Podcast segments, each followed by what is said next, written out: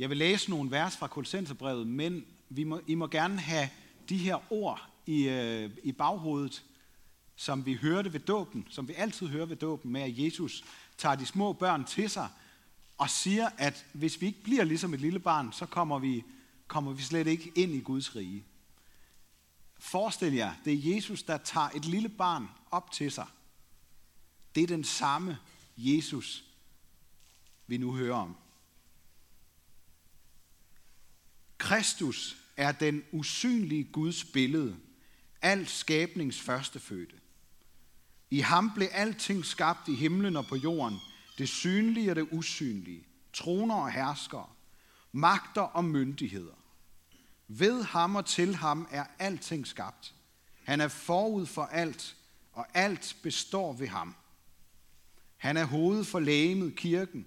Han er begyndelsen, den første fødte af de døde, for at han i alle ting skulle være den første. For i ham besluttede hele guddomsfylden at tage bolig. Amen. Kan man overhovedet få et billede frem af, hvordan Gud er i virkeligheden? Det er et godt spørgsmål. Det er der mange, der ikke mener, man kan. Vores Guds billeder er skabt af os selv. Og det er der sådan set meget rigtigt i, men der er også meget mere at sige. Meget mere præcist, end ateister og religiøse mennesker kan tænke sig frem til. Og derfor vil jeg gerne i dag sige noget om Guds billede. For vi er skabt i Guds billede, kun lidt ringere end Gud, sådan som vi hørte det fra salme 8. Det er helt vildt, når vi så oven i købet holder det sammen med, det Paulus lige har mindet os om, at Jesus Kristus er den usynlige Guds billede. Så vi kan altså se os omkring lige nu, og så kan vi få en fornemmelse af, hvem Gud er, ved at se på hinanden. Og lige nu, i det her øjeblik, får vi måske alligevel en lidt forkert fornemmelse, fordi der mangler en masse børn. De hører også med hvis vi skal have et helt billede af, hvem Gud er.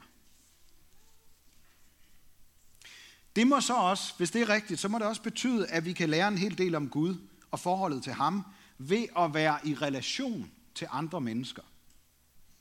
Selvfølgelig, det ved vi jo godt, vores menneskelige relationer er begrænset af tiden, og at vi kun kan være et sted og have vores uddelte opmærksomhed på en af gangen.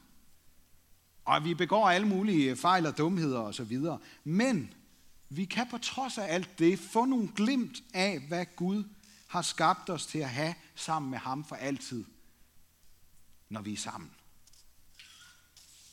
Over alle relationer, vi kender, så bruger Bibelens forfattere og Gud selv, når han kommer direkte til ord, kærlighedsrelationen som sit foretrukne billede på, hvad han har skabt os til i forhold til ham. Og i dag der er det kærligheden mellem far og barn, der bliver fremhævet.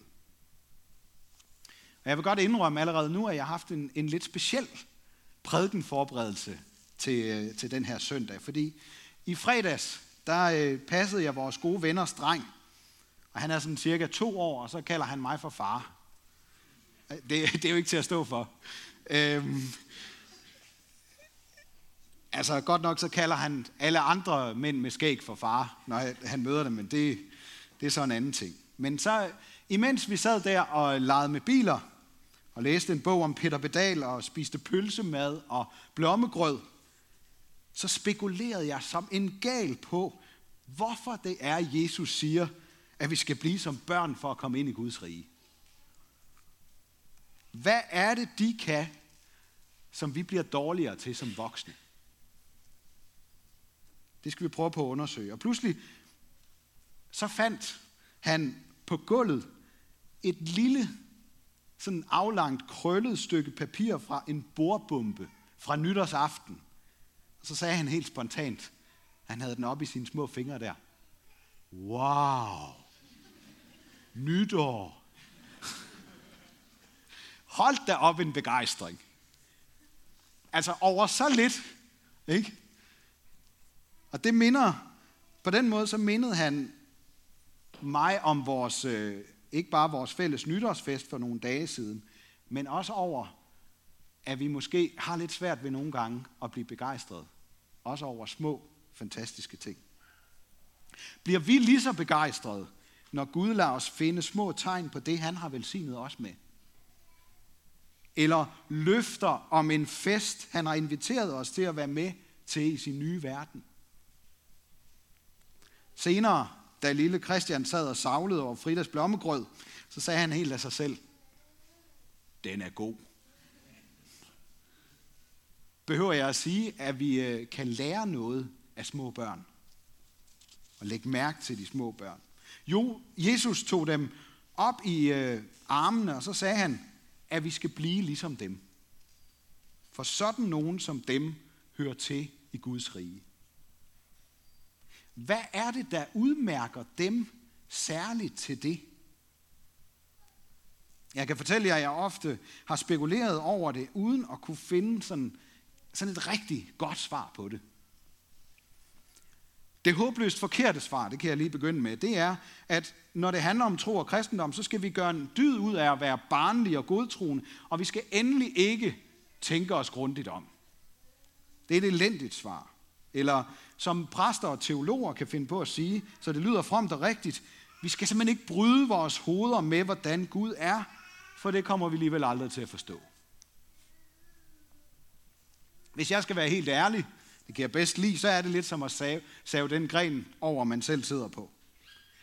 Teologer, der ikke vil lære os noget om, hvem Gud er, frygt for at komme til at tegne et ikke helt præcist billede af ham. Bare det at kalde Gud for han og far, kan få nogen til at sige, uha, pas nu på. Ved I hvad, det tør jeg godt. Og det vil jeg også gerne opfordre alle jer til at gøre, fordi Jesus gør det, og han gør det mange gange. Derfor. Og lige præcis fordi vi kender Jesus, den usynlige Guds billede, så kan vi sige og vide ikke helt så lidt alligevel om, hvem Gud er. Jeg kan ikke nå at fortælle det hele i dag, men jeg tager lidt hul på det, og så må I komme igen. Det, der gør det så svært at fatte Gud, det er ikke alle vores billeder af ham, som ganske rigtigt er billeder og skitser af en bagvedliggende virkelighed, som altid vil være større, end vi kan forstå og sætte ord og billeder på. Det vilde, og det fuldstændig ubegribelige, det er, at Gud selv har vist sig som skaberen af alt. Han, den samme, som var til før alle tider, som vi hørte, han tager sig tid til at løfte et lille barn op til sig og vise det frem for alle de andre og fortælle dem, at her ser de en, der passer perfekt ind i Guds verden. Det lille menneske er ikke bare skabt til det, men det er også løftet ind i Guds virkelighed, sådan som Jesus ville lære sine disciple, at de skulle gøre med alle de børn og voksne, der kom til tro og blev døbt til at tilhøre Jesus Kristus.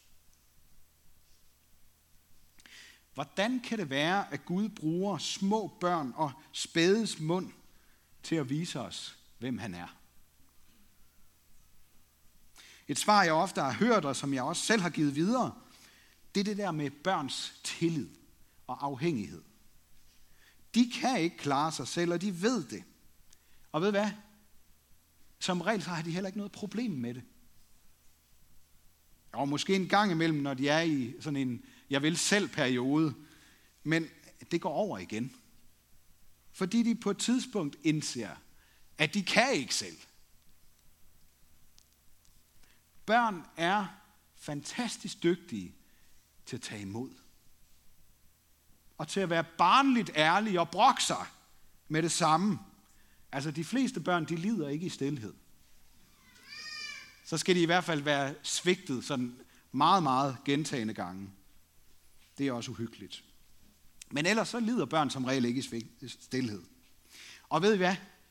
Det tror jeg også, vi kan lære meget af. Især hvis vi også som børn husker, hvem det er, vi skal brokke os til. Til vores far, selvfølgelig. Eller mor. Gud sammenligner meget tankevækkende også sig selv med en mor, der aldrig glemmer sit barn.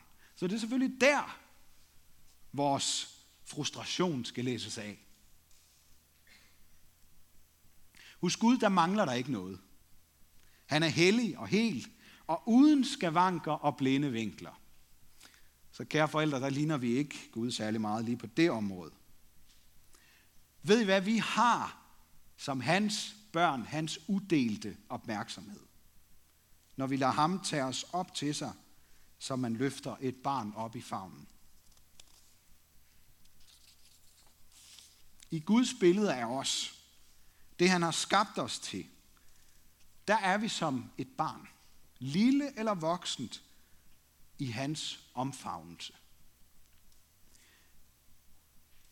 Ja, hvordan er det så? Jeg forestiller mig det sådan lidt som en varm og blød og moderlig en af slagsen. Samtidig med, at han holder fast om og måske klapper os lidt på ryggen, som mænd ofte gør det. Det er ikke til at beskrive. Det skal opleves. Og til alle os, der ikke altid kan mærke Guds kærlighed, og måske, måske oven i købet også kommer i tvivl om den indimellem, der tror jeg, barnet har mere at sige til os. For nogle gange, så er det et andet menneske, vi mærker, og som minder os om Guds kærlige omfavnelse.